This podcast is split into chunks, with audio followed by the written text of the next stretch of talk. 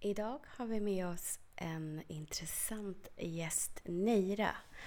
Neira är beteendevetare och samtalsterapeut och eh, praktiserar här i Stockholm. Hon använder sig av KBT, ACT, IBCT och mindfulness. Och vad inte bättre än att hon får svara på de här frågorna som jag är säker på att fler än jag går runt och funderar på. Vad är det egentligen som gör att vi har så svårt att skapa relationer? Kärleksrelationer. Många av oss, i alla fall jag och de som jag precis anknutit till, andra kvinnor, har lätt att skapa vänskapsrelationer och hitta gemensamma nämnare. Men varför är det då så svårt när vi försöker ge oss ut i dejtinglivet? Vad ser Neira hos sina klienter som en gemensam nämnare? Är det någonting som hon kan säga är ett mönster? Är det annorlunda här i Stockholm eller? Ja, det och mycket mer hoppas jag på att vi ska kunna få svar på idag i veckans avsnitt av Bakom fasaden-podden.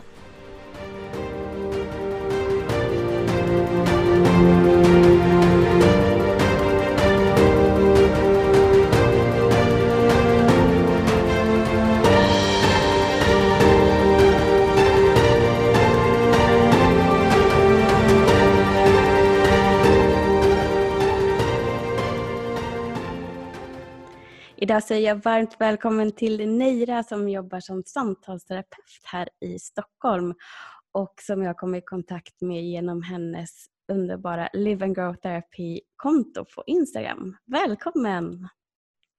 Tack snälla! Jättekul att ha dig med och nu så väntar jag spänningsfullt här på att jag ska få svar på massa frågor. Så det känns jätteroligt att eh, få höra från ditt perspektiv som terapeut. Ja, tack snälla. Ja, det känns jätteroligt att du bjöd in mig till din podd.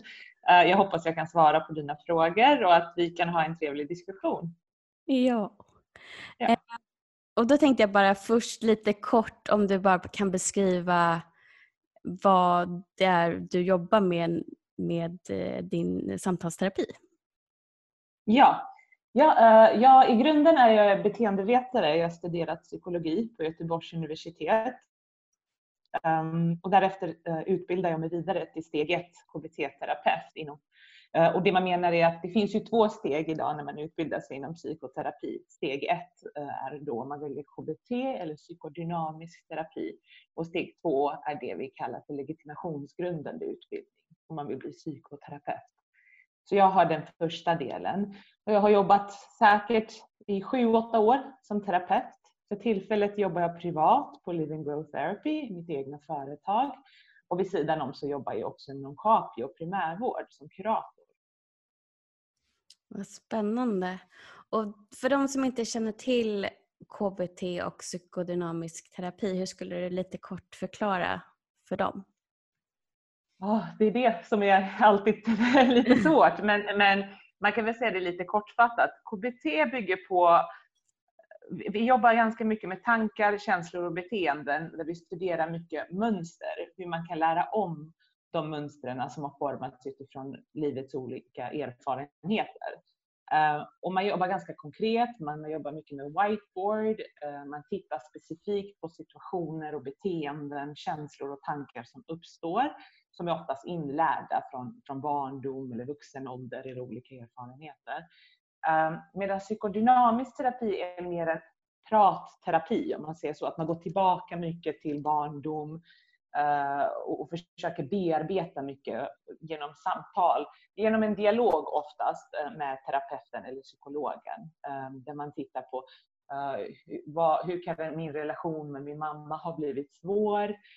Hur kan den ha format mig? Hur beter jag mig idag? Så det är ju också olika typer av beteendemönster men man är inte så konkret i det. Man tittar inte kanske med whiteboard-tavla utan det är mer samtal. Så att mm, säga. Och när, om jag skulle komma till dig som klient, vad skulle avgöra vilken typ av ja, ska man säga, behandling eller vilken typ av terapi som vi skulle ägna oss åt? Just det. Ja, eh, med tanke på att jag inte jobbar med psykodynamisk terapi, även om jag har, tar lite inslag av det, det gör man ju alltid när man jobbar med människor såklart. För att en stor del av KBT är också bearbetning. Det är inte bara liksom att vi tittar på situationen här, och här idag, utan man tittar också i bakgrunden, speciellt när det är trauma, ångest och anknytning. Och så. Ehm, men i mitt fall tror jag, utifrån den utbildning jag har eh, och den kompetens jag besitter på, så är det oftast kognitiv beteendeterapi. Och det är oftast det som Socialstyrelsen rekommenderar, som är den evidensbaserade metoden vi använder när vi behandlar klienter och patienter inom sjukvård, speciellt primärvård. Mm. Jag har gått på både KBT och i psykodynamisk terapi. Och jag tycker personligen så tycker jag båda är väldigt bra. Men också mm. för lite olika situationer kan man väl säga. Ja. Eh, så hur jag upplever KBT är mer att man kanske tittar på vad är det för tankemönster du har i den här situationen och hur kan vi hitta ett alternativt tankemönster och få dig ja. att ändra till det. Stämmer det? Precis. Precis, det är väl en del av det skulle jag säga. Sen är det ju också beroende på, det vill säga det beror på vem du går till. Eh, det finns ju olika typer av KBT-utbildningar.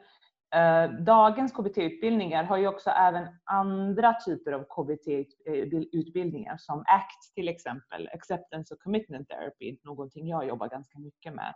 Där man också tittar på men vad är meningen? Vad är värdefullt för klienten för att kunna vad vill man ha för, vad känner man är viktigt för att man ska kunna må bättre? Så att inte det bara handlar om det här okej, okay, här har vi en tanke, den är dålig och så ersätter vi det med en positiv tanke. Det går ju inte, inte ihop. Liksom, så. Uh, så, så den delen tror jag är ganska bra. Medan de gamla KBT-utbildningarna uh, som många terapeuter och, psykologer besitter på idag, som kanske inte utvecklat vidare sina kunskaper inom andra metoder, uh, tror jag att det blir väldigt sådär fyrkantigt, om du förstår vad jag menar. Det blir så okej okay, men du, du har den här tanken och när du har den här tanken hur kan vi tänka annorlunda? Och då ska du öva på att tänka annorlunda. Men det, kan ju, det blir lite omänskligt om du förstår hur jag tänker. Mm. Jag tror att många människor drar sig lite från det när de hör KBT. Då tänker de, ah, okej, men då ska jag bara vara logisk i min ångest och då ska jag hitta logiska resonemang för att lösa upp det här. Och så är det inte oftast. Det skulle jag inte vilja säga. Är det för att man tappar den här connection med sina känslor som man ändå måste få för att yeah. förstå. Precis, det tror jag absolut. Så det, skulle, det jag skulle säga av den erfarenheten jag har, jag har jobbat med ganska mycket psykologer och eh, kuratorer, terapeuter, så tror jag att man drar från olika, alltså man drar lite psykodynamiska teorier, speciellt som psykologer som har lite både och, um, och psykoterapeuter. Man drar lite psykodynamiska terapier, men man drar lite ACT, KBT, så man kombinerar det, emotionsbaserad terapi, familjedynamisk terapi. Det finns ju olika. Så, så jag, tror om, jag tror att man behöver kombinera det till varenda klient och se vad som funkar för den personen. Det verkar ju jättebra, att man individanpassar precis, ja, vad, precis. vad behöver min klient av alla de här olika metoderna. Då. Spännande. Ja. Och om vi då går in på lite temat för dagens avsnitt. Mm. Om vi tittar lite generellt på dina klienter som kommer till dig just eh, när det gäller relationsproblem. Mm. Skulle du säga att det finns något övergripande mönster som du kan se eller är det väldigt individ, eh, individuellt också vad man har för orsak till att man har svårt att skapa relationer? Jag tänker främst kärleksrelationer. Just det. Ja, um, det är en väldigt bra fråga måste jag säga. Um, det beror väl, jag skulle vilja säga att det beror väl lite på i vilket område i Stockholm man jobbar i. Ehm, på vårdcentral där jag jobbar så jobbar jag i en ganska segregerad, segregerat område. Eh, och där kan jag väl se att där är det mycket annan problematik. Eh, mycket trauma, mycket, eh, mycket dubbel ehm, kommunikation i relationer, eh, kanske från tidig barndom, svårigheter i relationer eh, med föräldrar och så. Eh, men också kulturella aspekter i det hela också. Ehm, medan om jag tänker på liksom när jag jobbar mer i centrum där jag tänker ja, då kommer det ju alla typer av människor från olika stadsdelar, även olika städer och även från olika länder. Då kan man väl säga att det kanske handlar, det handlar om någonting annat. Det är inte alltid det kulturella som har en stor eh, aspekt liksom, eh, eller också trauma som är en stor aspekt. Utan det kan, för vissa är det absolut trauma från barndomen medan för den andra kanske det handlar om att de har haft en tuff relation med sina föräldrar haft, haft tuffa relationer i barndomen, skolan, vänner, eh, släkt och så vidare. Det skulle jag säga. Och det är väl det som kanske blir svårt sen för dem när de ska bygga relation i vuxenliv. För att det är nästan som att de inte har lärt sig verktygen, adekvata verktyg, eh, för att det ska kunna funka i vuxen ålder. Ehm, och vi lever ju i ett ganska individualistiskt samhälle där man förväntas kunna det här när man är 20 plus. Du, vet, du kommer ut i arbetslivet, du ska bara veta, ah, men så här skaffar man vänner, så här skaffar man en pojkvän, flickvän. Liksom. Så här hittar man det perfekta jobbet. Alltså så. så man ska också veta hur man ska hantera sin chef, kollegor. Och det är många som inte har alltså, den kompetensen med sig för att det kanske inte är någon som har lärt dem för att föräldrar kanske själva har haft de här bekymren från tidig ålder och sen skaffat barn och inte löst de här bekymren. Så att det går lite i arv om vi säger så. Ja, det, det kan jag verkligen identifiera mig med. Jag har ju kommit fram nu vid, eh, ja nu är jag 41, jag har precis fyllt 41. Men ja. i, i, min ålder nu har jag förstått att det jag höll på med i början av 20-årsåldern var ju att jag kopierade det, det inom, genom mina barn, alltså Helena som barn, de ögonen som, på mina föräldrars relation. Hur jag trodde att det skulle vara och så har jag inte haft insikt om att det här är en, en barns upplevelse utan jag har liksom applicerat det på vad jag trodde att nu är jag vuxen, så här ska man göra och det här är det jag ska leta efter. Just, just. Jag tror att majoriteten av oss gör så. Det är väl det, det är den, den gemensamma nämnaren, det spelar egentligen inte roll var man kommer ifrån eller vad man har för annan bakgrund. Men är du uppvuxen i en miljö där du får se vissa mönster, då är det ju väldigt tydligt att du kommer upprepa dem. Om mm. inte du lär dig och förstår det och lär dig att om, på något sätt omprogrammera det. Och det är oftast efter 40-årsåldern man kommer på det. För då har man kanske provat terapi, man har gått igenom ganska många jobb, man har lärt känna många människor, man har skaffat barn, man är liksom vid en punkt liksom att ja, men nu, nu, nu förstår jag mig lite mer. Och sen är det ju också lite det generella som sker efter 40-årsåldern tror jag. Att man bryr sig inte lika mycket om vad folk tycker om en och det är ju naturligt tänker jag. Och då kan man ju se saker och ting på ett annat perspektiv, tänker jag. Vad härligt att du säger det. Nu känner jag mig absolut inte ensam. Men jag tror att det resonerar väldigt för att det blir ju att man inser också att världen kretsar inte runt mig och alla andras beteenden gentemot mig har väldigt lite med mig som person att göra. Eh, och då är det också lättare att titta inåt för att jag kan göra det också med lite mer gott samvete på något sätt. Mm. Det, det liksom mm. korrelerar på något sätt.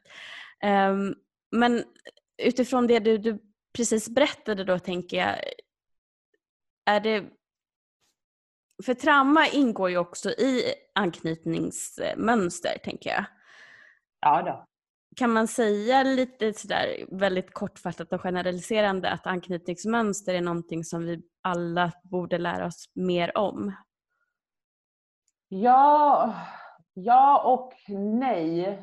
Um, självklart behöver vi lära oss om att vi, vi utvecklar olika anknytningsmönster um, och hur de påverkar oss i våra relationer. Um, men jag tror också att man behöver lära sig mycket andra aspekter också lära känna sig själv. Vad vill man? Om vi tänker nu ACT till exempel, Acceptance och Commitment Therapy. Eh, då, då tittar man ju, grunden i terapin handlar om att man tittar in och verkligen försöker identifiera de värderingar man själv har. Och försöker separera det från ens föräldrars värderingar. Mm. Men många gånger är vi inte medvetna om att är, vi är ändå separata människor. Och lite som du säger det här, när man är 20 så, så tolkar man världen utifrån de här utifrån ett, ett ungt perspektiv, ett perspektiv som man har som barn. Så man är ju fortfarande inte medveten. Så det handlar någonstans om att man behöver gå över 30-årsåldern skulle jag säga. Ha lite mer erfarenhet, kanske gå i terapi eller lära känna sig själv på ett sätt eller ett annat. Tills man börjar förstå. Jaha, okej, okay, men det är det här jag vill ha i relationer. Det är det här som passar mig. Det är så här jag funkar som person. För att jag ska veta hur jag anpassar, vilket jobb jag ska ha, vilken typ av relation jag ska ha med vänner, med kollegor, med någon partner och så vidare. Så, så dels det, men för att kunna göra det, då måste man ju också se på sina föräldrar och se tyvärr de brister de själva har som människor. Mm. Och där är ju ett enormt arbete om det finns trauma med i bilden, speciellt om trauma är kopplat till föräldrar. Jag, tycker, jag tänker många otrygga anknytningar har att göra väldigt ofta med föräldrar. Som barn man, gråter man som barn ramlar man och gör sig illa och föräldrar reagerar med att skrika på en eller, eller på något sätt ja, får det att må dåligt. Vad du lär dig som barn väldigt tidigt är att okej, okay, mina behov är inte viktiga även om jag gör mig illa. Mm. Och då, vad händer då sen med den personen? Och det här upprepas, det vill säga en hel barndom. Vad händer sen med den personen när de blir vuxna och ska starta en relation med någon och behöver hjälp? För jag tänker att livet är ju inte positivt för alla hela tiden. Det är det ju inte alls. Utan det handlar liksom om livet har ju olika bekymmer. Alltså man stöter på många bekymmer och det är klart att man mår dåligt i perioder. Men vad det, om vi tänker en otrygg anknytning handlar många gånger om att man trycker undan sina känslor. För det är ingen som har lärt en att bekräfta de känslorna, att titta ens på de känslorna. Så man undviker och trycker undan det och sen agerar kanske på ett sätt som blir på något sätt överkompensatoriskt i relationer. Och vad det sker sen, vad det, vad det leder till senare är att man, man, upplever en livslång ångest och man förstår inte sig själv. Och man förstår inte sina relationer. Och till slut så vet man inte riktigt, ja men vad vill jag? Vad behöver jag för att må bättre? Och jag tror att det är det, här, det är det här stora jobbet, att ställa sig själv de rätta frågorna med en terapeut eller på egen hand, eller med någon vän att ställa sig de här frågorna. Men vad behöver jag? Vad behöver jag? Hur är jag som person? Är jag en känslig person? Okej, vad innebär det för mig att vara känslig? Betyder det automatiskt att det är någonting negativt, så att min mamma eller pappa har lärt mig det? Eller betyder det mer att Nej, men alltså, jag har kontakt med mina känslor. Jag är en person som är trygg med att visa känslor. Jag är en person som känner mycket. Okej, okay, vad finns det för positivt i det? Vad finns det för realistiskt i det? Hur kan jag ta för, vad, vad, kan jag ha för användning av det i mitt liv? Vad kan jag ha för användning av det i mina relationer? Och därmed, om vi tänker nu beteenden, hur kan jag då uttrycka det här? Vad är värdefullt för mig? Men om man inte går igenom den här processen och förstår liksom, vad är poängen, vad är målet, vad ska vi rikta oss mot? Då spelar det ingen roll hur mycket man förstår anknytningsmönster. För jag tror att många människor idag förstår anknytningsmönster, men de vet inte hur de ska lösa upp det. Det blir som en ond cirkel som repeteras hela tiden om du förstår vad jag menar. Ja, verkligen. Um, jag tänker att mycket av det som du beskriver är otryck undvikande. Att ja. de trycker bort sina behov. Och de jag har träffat som, som har den anknytningen, som har väl precis börjat kanske lära sig i alla fall att de har behov men inte vet hur de ska bete sig. De vet inte hur de ska få kontakt med sina känslor fast de har en sån stor och stark önskan om att jag vill känna men jag vet inte hur. Ja, just. Kan man ens göra det själv då eller är det terapi som gäller? Ja, det är, det är million dollar question. lite ja. grann. Jag tror att det beror på person till person skulle jag säga. Men i min, av min erfarenhet så tror jag att det handlar om att man skulle behöva ha någon form av terapi eller söka sig till den typ av kunskapen. Psykologisk kunskap. Eh, men också eh, för jag tror också att vi är inte vi är inte opartiska när det gäller oss själva och vårt egna beteende. Och det är därför det blir svårt att lösa upp sånt här på egen hand. För det enda man tänker, om man tänker nu människor som har eh, svåra relationer i vuxenlivet, vare sig det är otrygg eller ambivalent undvikande äh, anknytningsmönster, äh, så tror jag att det handlar liksom, att man hamnar ofta i de här tankarna, men jag träffar alltid fel personer. Jag, kan inte, det är något, jag har sån otur och då blir det svårt kanske att se in men vad, är det, vad gör jag för fel. Mm. Och har man, kämpar man redan med en ångest och känner sig otillräcklig för jag tänker en otrygg anknytning handlar många gånger om att man får utveckla någon form av låg självkänsla. då är det ju väldigt svårt att gå in och hitta fel hos sig själv för då blir det destruktivt. Om du förstår vad jag menar. Ja, det bekräftar det man redan tycker är så jobbigt, att man upplever att man gör så mycket fel redan och så ska man tänka att och det här gör jag också fel, jag lyckas verkligen inte med någonting. Ja. Att det blir lite så, det blir nästan lite att man hamnar i någon typ av offermentalitet istället för att se att okej, okay, det här gör jag fel men det betyder inte att jag är fel. Jag bara ja. agerar fel utifrån vad jag har lärt mig. Att man ja. intar en lite mer accepterande roll gentemot sig själv och säger att det här är dina förutsättningar som du faktiskt inte rår för. Men nu ja, har du möjlighet i och med att du ändå har insett det här att ta hjälp. Och jag är ju väldigt för terapi. Jag tycker det är världens bästa sak. Just för att mm. Det går ganska fort för de som vill i det här samhället ha snabba belöningar. Um, ja. Att ändå se att man gör steg framåt. Det är så mm. skönt att få sitta och prata om sina tankar och känslor med någon som är utbildad och som faktiskt är där bara för att lyssna på dig och, och din precis. shit liksom.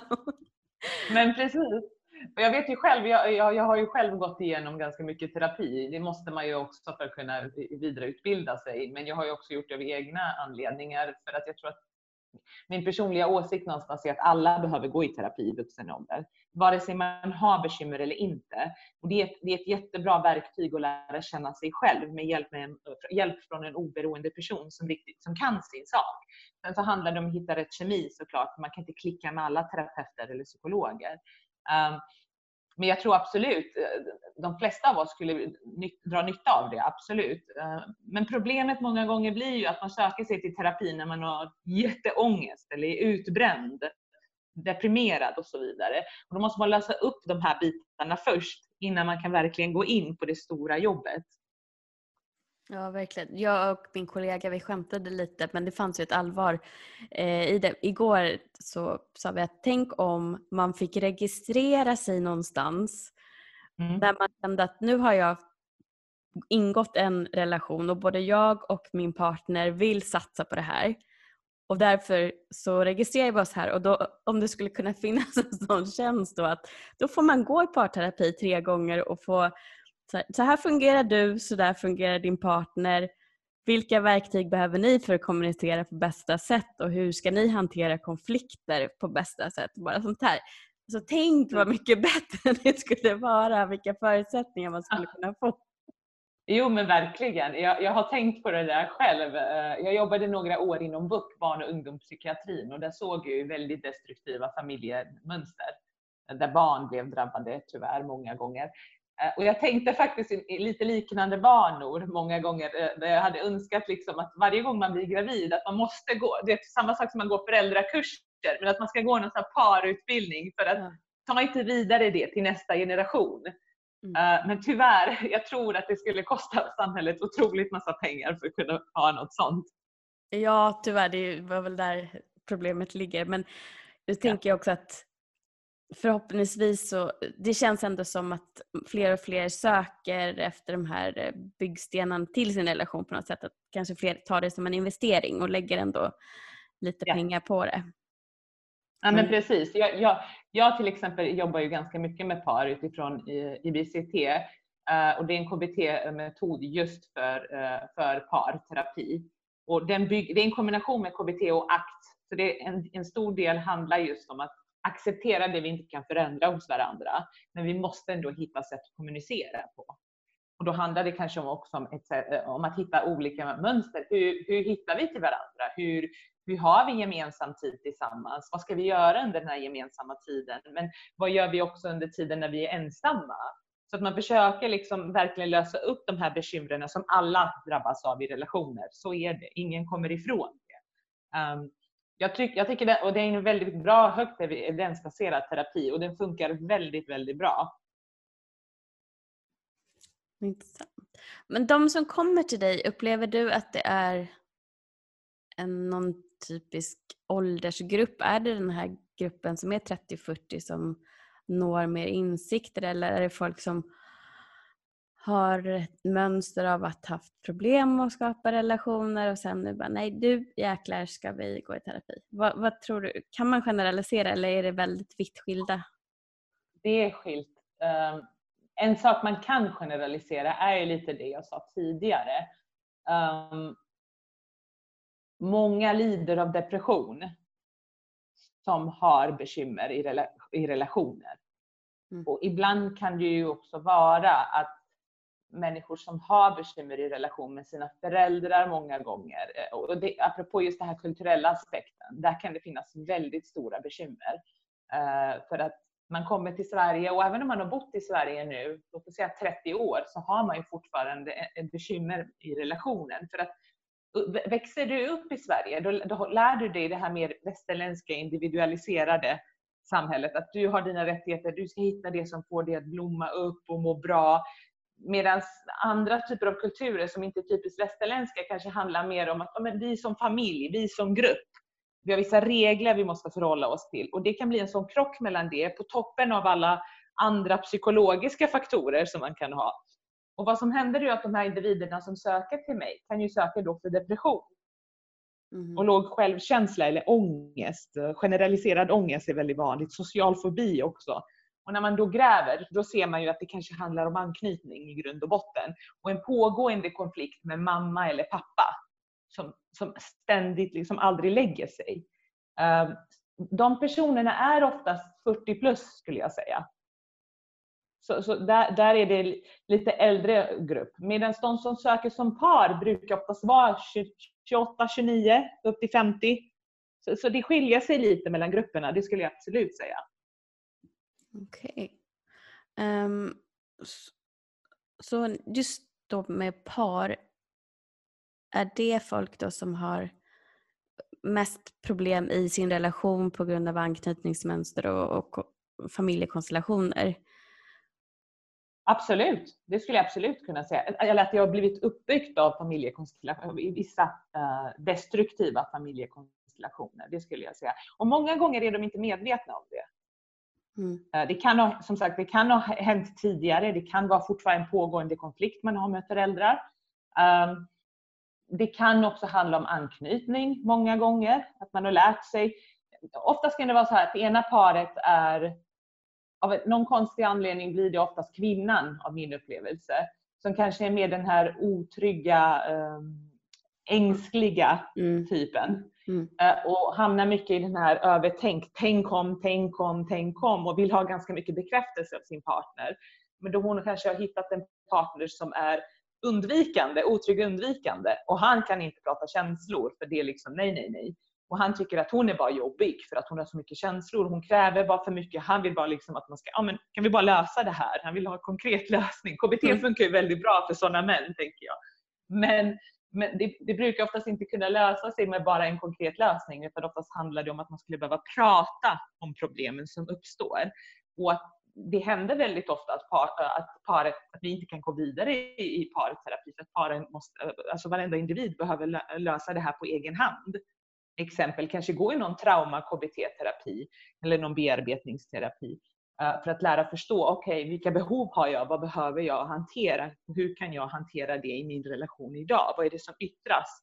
Jag tror att många som har, en, som har någon jag form av... att många som, som, som är ambivalenta i relationer går in med det här barnet som man har inom sig som är sårat, som är traumatiserat från relation om mamma eller pappa. Och så tänker man, men i den här relationen med den här mannen eller kvinnan, det ska jag få uppfyllt nu. Och så får de inte det. För att de kanske har valt en partner som i många, gånger, många fall är fel, helt fel för dem. Uh, och vad är fel? Det finns inga rätt eller fel partner, men det kan ju vara om man har valt en partner som är totalt undvikande känslomässigt, kan inte alltså möta den andra parten och vill inte det, vill inte samarbeta för att få relationen att funka, då blir det ju väldigt fel. Då är man inte i samma relation. Mm. Så det kan ju finnas olika konstellationer av det här. Men i slutändan så kanske det handlar om, om det är för stora problem i parterapin eh, som blir störande från anknytningsmönstren, då, då rekommenderar jag paren att jobba separat med olika terapeuter under tiden. Och sen återgår vi till parterapi när de känner sig färdiga i sin terapi. Det, det står ju ofta när jag har ju nördat ner mig väldigt mycket i just anknytningsteorier. Ja. Um, och det jag har tagit med mig är att majoriteten av alla par har just den konstellationen som du beskriver att kvinnan är otrygg, eh, ambivalent eller ängslig som jag tycker är ett bättre uttryck eh, och, mannen är otrygg undvikande och att de dras till mm. varandra samtidigt som att det är de som funkar sämst tillsammans. Ja. Um, och att egentligen så finns det, det här låter jättehemskt, men inte något lyckligt slut om det inte är så att båda är villiga att jobba mot en tryggare anknytning hos sig själv. Ja, precis. Och ibland, av min erfarenhet, så börjar det arbetet genom parterapi. Att man, de hittar en kommunikationsstrategi, de hittar sätt att knyta an till varandra och det börjar funka väldigt väl och efter några år så kommer den ena parten på, på sig själv. De kommer på liksom, ah, men det, nu behöver jag jobba med mig själv och så gör de det. Det händer ofta att de söker upp mig efter några år och vill bearbeta någonting som har hänt tidigare. Och då blir det jättebra. Eh, men många fall, tyvärr, jag skulle säga majoriteten av fallen som jag har jobbat med, där man har just den här gruppen ehm, av par, då tror jag att de går separata vägar eller så slutar det väldigt olyckligt med misshandel och annan fysisk och psykisk våld, tyvärr. Och då, då blir det mer att, speciellt när de har barn involverade, då, då leder det till någon form av separation. Och så vidare. Mm. Och sen har vi också eh, eller jag vet att många som, som är otrygga och undvikande tycker att de utmålas till att de är alltid den här bad guy som, eh, som egentligen har sönder andra människor. Det, det är väl en sanning med modifikation. Um, mm. det, det är ju tyvärr så att eftersom de har svårt att kommunicera känslor, de är så tankestyrda, så blir det ofta så att även om de hittar en trygg partner så kan det bli så att den trygga partnern börjar bli mer otrygg ambivalent just för att vi alla har behoven av att kommunicera med våra partner. Och när man då möter en stor mur eh, och inte känner att man når fram, inte får sina behov mötta så triggas det hos även en trygg partner. Så det mm. känns väl som eh, det är det jag har läst mig till eller hört på videos och sånt där. Men eh, är det, kan man säga att det egentligen är de som är otrygga på alla sätt i och för sig, men då om vi tänk, fokuserar på otrygga undvikande, att de måste för att bli lyckliga också jobba med sig själva. Att det finns liksom inte någon genväg på något sätt. Att det kan inte vara så att ja, men du, om du försöker söka dig till en trygg partner kommer allting bli bra. För att du, den trygga partnern kommer också ha de här behoven. Kanske inte lika starkt och kanske inte blir klängig på samma sätt men har fortfarande behoven som du måste jobba på för att kunna möta. Mm. Ja, det var två, två olika typer av partners som, som jag förstod. Um, och jag vill gärna adressera den, den sista du nämnde nu. Absolut, jag tror ju inte att den otrygga, eh, ambivalenta partnern skulle känna någon ro, utan de skulle nog hamna i något ångesttillstånd till slut. Det kan leda till panikattacker, generaliserad ångestsyndrom, fobier eh, och, som, som jag nämnde tidigare, depressioner också, eh, som sen leder till att de på egen hand efter några år själva söker hjälp för det. Och när man då börjar gräva i vad är det de söker hjälp för så handlar det just om den här ambivalenta, otrygga anknytningen. Eh, och då behöver man, och oftast handlar det just om det här att bygga upp självförtroende eller självkänsla som de kanske inte har i grunden. Och då börjar man även titta på de här ehm, situationerna de har varit med om och många gånger så har de PTSD. Det är väldigt vanligt. Så för att de ska kunna känna sig lyckliga i en relation, absolut, det arbetet måste ske. Det, det, det liksom går inte, annars kommer de leva med livslång ångest, det är helt säkert. För de är inte heller den typen som kan, som kan trycka undan i all evighet de här känslorna, för de är redan ängsliga från grunden. Mm. Och det är det som skapar det här bekymret då i relationen. Uh, av min erfarenhet så brukar de relationerna inte hålla om inte eh, den ängsliga söker hjälp. Och oftast är det den ängsliga som söker hjälp medan den undvikande inte gör det. För de tänker nej, nej, nej, men det är du som är det är du som har problemen, det är du som behöver kommunicera. Gå och prata med någon kan den andra parten säga. Men det är inte helt ovanligt. Jag har haft ett par under de, det senaste halvåret som är eh, otryggt undvikande som verkligen genuint vill jobba med sin ångest. Och den ångesten är väldigt tuff för att när man tar bort allt det här undvikande, alltså vad, vad, handlar egentligen undvikande beteenden? Det handlar någonstans om att man, de har ju förutfattade meningar eller uppfattningar att någonting kommer ske om de visar känslor. Någonting kommer ske om de visar sig sårbara. Oftast har de en negativ uppfattning om vad det är som kommer ske. Uh, och vissa vet inte hur de ska visa känslor. De vet inte ens hur de ska skanna av känslor hos sig själva. Så jag tror att den gruppen är lite svårare att behandla. Men om, om, om, motivationen finns så tror jag att det går, men det kan bli lite trögt till en början. Men när man väl kommer igång, då handlar det väldigt mycket om att lära sig att skanna av känslor, lära sig förstå sina känslor, lära sig sätta det i praktik. Och det kan ju ta år för vissa, för någon kan det ta några månader eller några veckor om man är väldigt motiverad och läst på och är införstådd med hela begreppet och så. Och problematiken och, och mönstren man har.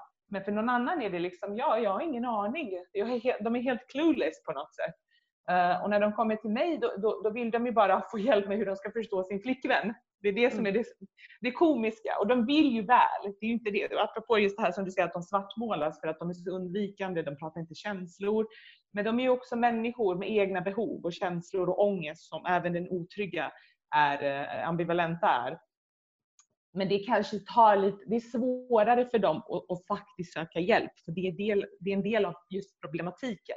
Att inte söka hjälp, att inte gå och prata med någon. För att man undviker, man trycker undan och så bortförklarar man det med, med ja, logiska resonemang för sig själv och andra. Och den, sen har väl de också lärt sig att de kan inte lita på att andra hjälper dem utan att de ja. ska hjälpa sig själva i, i alla olika typer Precis. Och det kan ju yttra sig i alla typer av mönster. En annan som är typisk grej som jag, ibland när man pratar om de här anknytningsmönstren så pratar man inte om att man kan ha flera samtidigt.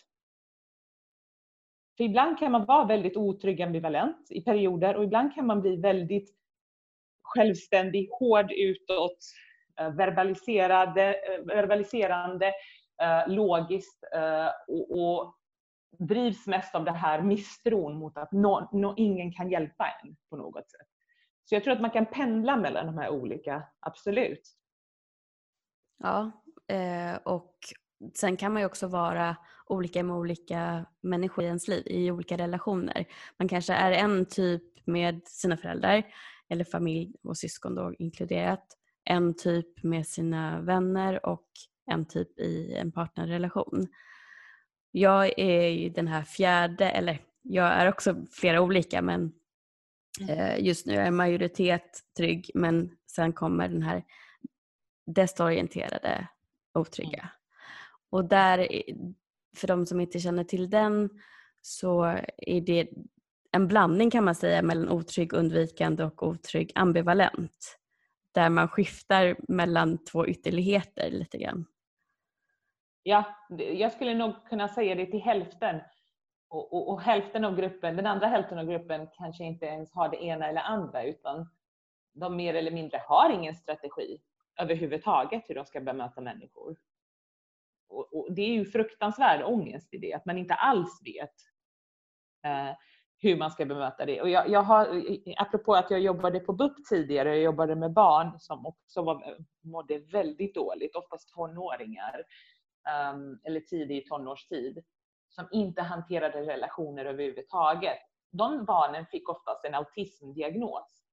Men jag, jag kan absolut sätta idag med all säkerhet att många av dem är felbedömda och att det handlar egentligen om dålig anknytning och trauma. Men då har de fått en autismdiagnos. Och risken för det är ju då att de aldrig lär sig att hantera relationer. För då sätter man den stämpeln, men du kan inte socialisera så du ska få all stöd i världen för att socialisera. Istället för att man tittar på men vad är anledningen till det här. Och jag menar en 12-årig, ett 12-årigt barn kan ju inte hitta anledningar. Det måste ju gå några år. Mm. Där den personen när de blir vuxna förhoppningsvis söker sen terapi. Så, så det, apropå just det här att man inte vet, man har inga strategier, ingen har lärt en strategier. Man har varit tvungen att i princip växa upp själv. Föräldrar är inte närvarande eller när de är väl närvarande då är de så hårda eller då har de själva så mycket bekymmer. Så ens behov tas ju inte vara överhuvudtaget. Och där blir ju det stora problemet för barnet. Mm. Precis. För mig var det inte någonting som hände i barndomen utan mer att jag har varit med om, om ehm, ja, dels så var det väldigt jobbiga tonår där jag upplevde att eh, jag kunde inte lita på vilken reaktion jag fick när jag uttryckte ett behov. Det kunde vara eh, ibland tryggt och ibland otryggt och då blev det ambivalent. Jag, jag visste liksom inte och då började jag sluta mig och inte uttrycka behoven eller så uttryckte jag dem genom att vara skrikig och gapig och utåtagerande. Mm. Eh, och sen i 20-årsåldern så har jag varit med om våldtäkter som också liksom, ja, blev ju trauma. Eh, så jag, jag, kan känna ibland att jag har ingen jävla aning vad jag håller på med just i eh, relationer. Jag vet inte hur man gör. Samtidigt så har jag väldigt lätt för att skapa eh, bra relationer i vänskap. Jag kan, och jag vet att jag och Sissela som var med i avsnittet eh, där hon också berättar om eh, sin bakgrund med, med pappa som gick bort till suicid, mobbing och sådana saker. Att vi, vi har lite sådana här Zoom-möten nu privat, bara, ja, som att man sitter och pratar med en vän som bor på, i en annan stad, som det är då i det här fallet. Och hur vi upplever att vi kan skapa en relation med en annan kvinna så lätt och det blir en djup relation och det finns eh, emotionell kapacitet och allt det här. Nu stämmer det här inte för henne för att hon lever i en bra relation nu men för mig att jag känner, hur kan det komma sig att man, eller jag då, har lätt att skapa de här värdefulla relationerna med, med andra kvinnor um, och även att jag känner att i jobbsammanhang så har jag bra relationer med män som är kollegor eller kunder liknande. Men när jag kom, så fort det är kärlek inblandat och jag då som heterosexuell träffar män så är det som att det är någonting som, det går inte, jag vet inte vad jag gör och det funkar liksom inte. Hur kan det vara så mm. olika när man skapar relationer? Ja, eh, jag skulle nog vilja säga att det handlar lite om hur, vad man har sett för typ av relationer under uppväxten man, kan inte, man behöver inte ha gått igenom något traumatiskt alltid, utan det kan ha varit hur ens föräldrars relation eller brist på relation har varit. Så att man lär sig att det är så här en kärleksfull relation ser ut. Mamma och pappa pratar aldrig. När det är bråk så pratar man tyst om det. Uh, när, när eh, någon är ledsen så finns inte det. Ett exempel just. Uh, så man lär ju sig på något sätt i grund, alltså det, det första det är, liksom, det, det, är det första du, du som barn lär dig eh, kring hur relationer ska fungera. Så det blir liksom grundpelaren. Mm. Eh, samtidigt som kanske du har massa bra vänner, familj, familj eller släkt, grannar, lärare. Så du lär dig av något, på något sätt att det där andra funkar ju. Det är ju jättebra. Men de här grundpersonerna som du har lärt dig från, att så här ska en relation se ut, om det på något sätt inte är ja, felfritt eller om, om det är på något sätt problematiskt eller destruktivt, då är det det som oftast yttrar sig sen i relationen när du själv ska bygga relationer. Och det är klart, i ditt fall tänker jag, och även i många andras fall, så försvåras det ju också när det finns faktiskt trauman, såklart i vuxen ålder eller tonårstid. För då vet man inte riktigt, men vad funkar här? Och där kan man ju se, då kanske man skulle behöva lära sig strategier. Hur gör jag? vad behöver jag? Min identitet. Vad bygger min identitet på? Vad tycker jag om? Vad är värdefullt för mig? Och hur ska jag göra för att hitta det här som jag behöver? Och till en början så behöver man ju hitta det hos sig själv. Vad kan jag ge mig själv? Vilka behov har jag som inte jag möter? Och vad kan jag sedan ta med mig i en relation, i en partners relation med en man eller kvinna, eh, vad man prefererar. Så det är det jag tror att det är det det handlar om. Att man har, hittat, man har sett ett mönster som inte funkar, fungerar. Och så tas det med i, i, i nya i relationer med män till exempel. kan man säga att tips till de som känner igen sig i det jag sa skulle kunna vara att man ett, lär känna dig själv. Mm. Två, Mm. ta reda på vilka är dina behov som du inte kan kompromissa med. Till exempel att det är jätteviktigt för mig att ha en bra kommunikation. Det är viktigt med fysisk beröring. Eh, det är viktigt att vi har samma mål. Nu tog jag bara de som jag har. Ja, Ehm, Men, ehm, och sen att man gärna också kanske tar hjälp av en samtalsterapeut, coach eh, Mm. eller psykolog, vad man känner passar en själv.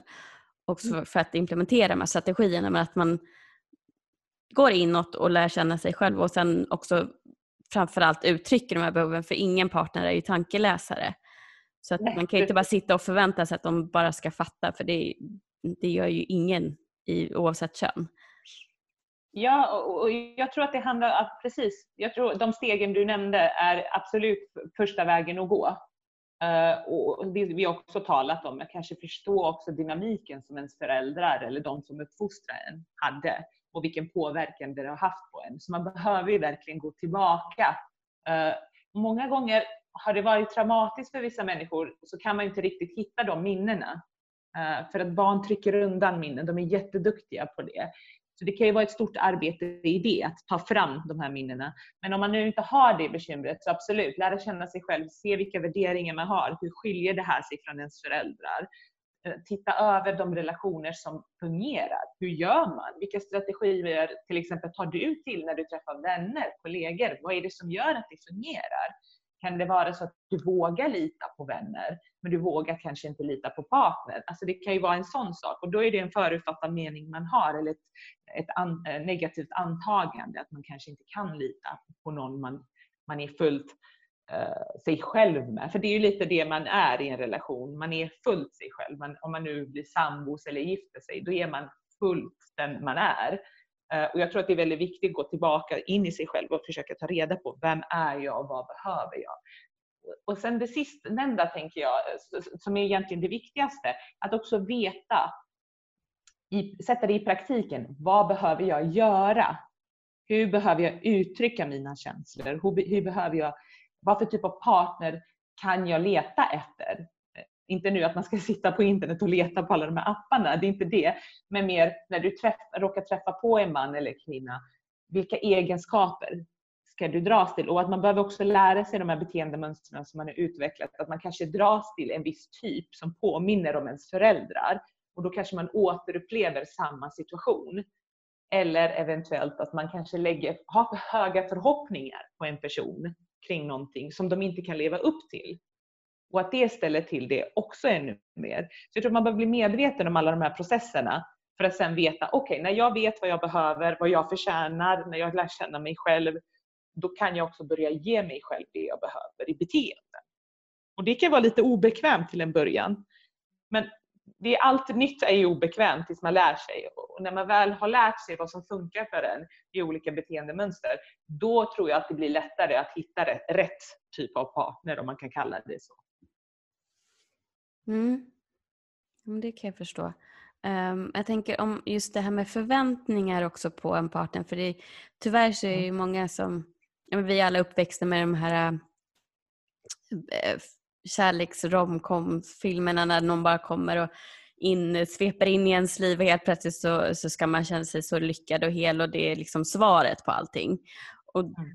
Det kan ju vara jättemysigt att sitta och, och titta på en sån film och leva en bubbla i en, en, två timmar. Men det blir också så otroligt missvisande för att jag tänker att den enda som kan göra ditt liv mer komplett är du själv. Och det är fel att sätta de förväntningarna på en annan partner. Men därmed är inte sagt att du ska anpassa dig till din partner och göra avkall på dina egna behov.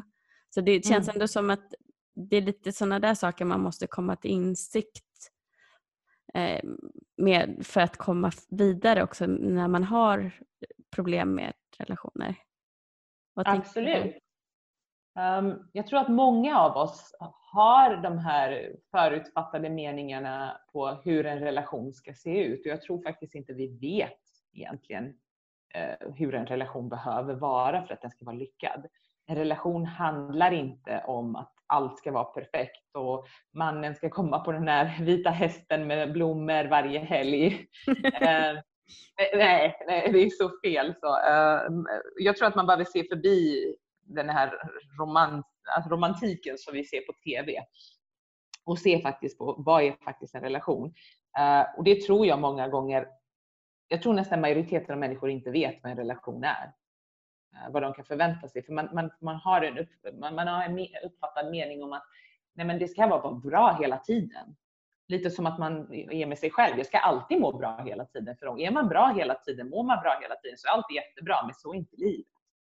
Det är klart att man kommer gå igenom tuffa tider själv. Man kommer ha säkert tider när man är otroligt stressad, kanske på grund av ett arbete. Man kommer också känna att man inte duger i perioder. Det är också okej, okay, det är en del av livet. Man har ju olika stressorer och samma sak händer i relationer. Men jag tror att när det händer sen att man börjar kämpa med någonting i relation så tror jag att många tänker nej men alltså min relation funkar inte så jag måste ju göra allt i min makt för att den ska bli bra igen. Ja absolut, men det kräver ju också problemlösning. Det kräver ju kommunikation, lösning. Och har man inte lärt sig de strategierna från sina föräldrar, eh, det är då terapi behövs, behövs väldigt många gånger. Så, så, absolut handlar det just om att släppa kanske också de här Hollywoodfilmerna eh, på att en relation ska vara på ett visst sätt och att mannen behöver vara på ett visst sätt, kvinnan behöver vara på ett visst sätt. Eh, och, och igen, åter till det jag sa tidigare, att gå in i sig själv och se över, se över sina värderingar. Och det är inte ett arbete du gör på en dag. Det är någonting som kan ta år tills du lär känna dig själv och vad du faktiskt behöver. Uh, när du har då insett vad behöver jag? Om jag är en känslomässig person som tycker om kramar, då är det en viktig aspekt i en relation. Då måste jag kunna ha en partner som, kan, som är villig att ge mig det. Sen kanske den partnern inte har samma behov. Det är helt okej. Okay. Vi kan inte vara exakt identiska. Då skulle inte det vara en rolig relation kan jag lova. Eh, men däremot om, om, om viljan finns hos partnern, då tror jag att det kan bli en väldigt lyckad relation. Så det handlar om olika aspekter såklart. Så om jag då som har behov av att kramas mycket till exempel, mm. har en partner som har svårt för fysisk närhet, om jag då skulle uttrycka till honom att vet du vad, jag vet att det här kanske inte är naturligt för dig, men det betyder mycket för mig. Mm. Jag skulle behöva att du kramar mig just nu. Att man uttrycker behovet på ett sånt sätt. Um, och han då är villig att jo men jag vet att det här är viktigt för dig och därför gör jag det när du ber om det. Men att mm. jag då också kanske tänker, förstå, har förståelse för att det kanske inte kommer naturligt. Det är inte någonting han kommer svepa in varje dag efter jobbet och, och krama mig. För att det, det funkar inte så. Nej, men så är det absolut, men man kan ju skapa olika typer av regler. Mm. Att varje gång vi kommer efter jobbet då pussas vi, då kramas vi. Det tycker jag är helt rimligt att ha och det har jag många par som vill ha. Uh, för, för en relation kräver ju också ett arbete. Jag tänker, man måste också se över en relation. Alltså, absolut, om han inte alls det, mm. Men om man kan ändå mötas halvvägs och säga okej, okay, men det här, det här behöver du och det här behöver jag. Då behöver man ju se över, okej, okay, de här dagarna behöver jag ge dig det, de här dagarna behöver du ge mig det. Så att det blir ett kontrakt på något sätt. För alltså, det är ett partnerskap i slutändan. Mm. Uh, sen brukar det ju löpa på efter ett tag när man väl har övat de här nya strategierna. Um, att till exempel man, man köper blommor en gång i veckan om det är viktigt för den ena och den andra tycker inte att det är viktigt. Uh, man kan ju öva på det här och till slut, så, alltså, för jag tror att det handlar någonstans om att man lägger uh, energi på att få relationen att funka. Jag tror att alla måste göra det. Men vill man inte det, är man inte villig, då går ju inte det. Även om, man, även om, om du säger ja, men jag skulle gärna vilja att du kramar mig och han absolut inte förstår varför och han gör det bara för din skull. Då, ja. då blir det inte Alltså det blir det ju fel om du förstår hur jag mm, tänker. Mm, mm. Men om man verkligen vill det och vill få relationen att funka, då tror jag absolut man kan göra det. Och samma sak, du kan ju göra någonting annat för honom. Om han vill ha egen tid och spela Playstation i två timmar, då ger du honom. Och jag menar, det är ju det här partnerskapet på något sätt ja. man behöver jobba med. Ge och ta. Ja, precis. precis. Så om, eh, jag tänker att vi avrundar lite grann med att du utifrån ditt perspektiv och med det vi har pratat om skulle ge dem som lyssnar tre stycken tips. Vad, vad är det bästa tipsen du kan ge just när det gäller relationer och skapa relationer? Ja, jag ska kortfatta det. Um, tips nummer ett skulle jag väl säga att gå till någon som du kan prata med. Vare sig det är en vän som är väldigt förstående och ändå villig att prata med dig om de här bekymren eller gå till någon professionell och ta reda på vad är det som blir fel. Titta om finns det mönster i dina relationer? Finns det mönster i det du gör som är bra, det du gör som inte är bra för dig? Ta reda på det. Behöver man gräva sen i vad det beror på så tror jag absolut det är en del av det. Nummer två är att försöka ta reda vidare på vad behöver du som person? Vad är liksom målet med att du ska gräva i det här? För det är oftast väldigt ångestladdat. Så att man behöver ta reda på vad är värdefullt för mig? Vad vill jag ha från relationer? Vad behöver jag för att må bra? För att jag ska känna att det blir bra för mig och i relationen. Eh, och nummer tre, sätta det i praktiken. Och då är det att lära sig tillsammans eventuellt med en terapeut hur, vilka praktiska verktyg ska jag ta tag, i, ta tag i för att få det att funka och prova dig fram. Och jag tänker där får man, vad det gäller alla tre stegen, så vill jag ändå säga att man ska försöka vara så tålamodig som möjligt med sig själv. Verkligen ha förståelse för att man lär sig någonting nytt. Det är som att lära sig att cykla. Mm. Och att man, inte, man ska vara försiktig med att inte vara för hård mot sig själv. För när man, det tar tid att lära sig något nytt. Uh, och, och, och, utvärdera, hur blir effekten? Det skulle jag vilja säga. Och sen också vill jag bara tillägga någonting jag och mina vänner har pratat en del om just med det här att ha tålamod med sig själv. Tänk mm. om du tar tag i det här när du är runt 40. Hur många år det har tagit för dig att skapa de här mönstren. Det är väl inte så himla konstigt då att det tar lite tid att alltså göra om dina mönster. Tänk på hur lång tid det tar. Det är inte rimligt att tro att det ska ta en dag att lära om när det har tagit dig 40 år att ens komma dit du är idag. Att man har det i åtanke också, att det kanske hjälper lite grann att acceptera och ha tålamod med sig själv. Precis, jag håller absolut helt och hållet med. För att jag menar, vi, i slutändan, jag tycker att vi, vi är så duktiga på att ha tålamod med andra, men inte så duktiga på att ha tålamod med, med oss själva. Jag tror ordet acceptans är jätteviktigt. Att acceptera att det kommer inte gå bra varje dag, det kommer inte gå bra i varje relation, men att fortsätta jobba ha en plan för sig själv. Gå tillbaka som sagt hela tiden. För du vet, vad man vill och vad man behöver, ens värderingar, det, funder, alltså, det förändras hela livet. Du är inte samma person varje dag, det kommer du inte vara. Vad du vill idag från en relation kan förändras efter tio år och det är helt okej. Okay. Det är inget fel på en för att man vill det. Det betyder att man har uppnått någon form av utveckling. Så verkligen att acceptera den processen också och, och ge sig själv möjlighet för att öva på de här strategierna. Verkligen. Jättebra tips och jättebra samtal. Tack jättemycket för att du ville medverka. Jag tänker att vi ska börja avsluta i alla fall så jag hoppas att connection kommer tillbaka. Eh, men jag vill framförallt bara tipsa alla er som lyssnar och känner att det här var ju en otroligt klok och vettig kvinna. Henne vill jag prata mer med. Eh, som du, du, kan gå in på, som också jag följer. Live and Grow Therapy heter det. Och där kommer du i kontakt med, eh, med Neira både saker hon lägger ut eh, och saker du delar på Instastory och sen tror jag också att du kan komma i kontakt med din hemsida.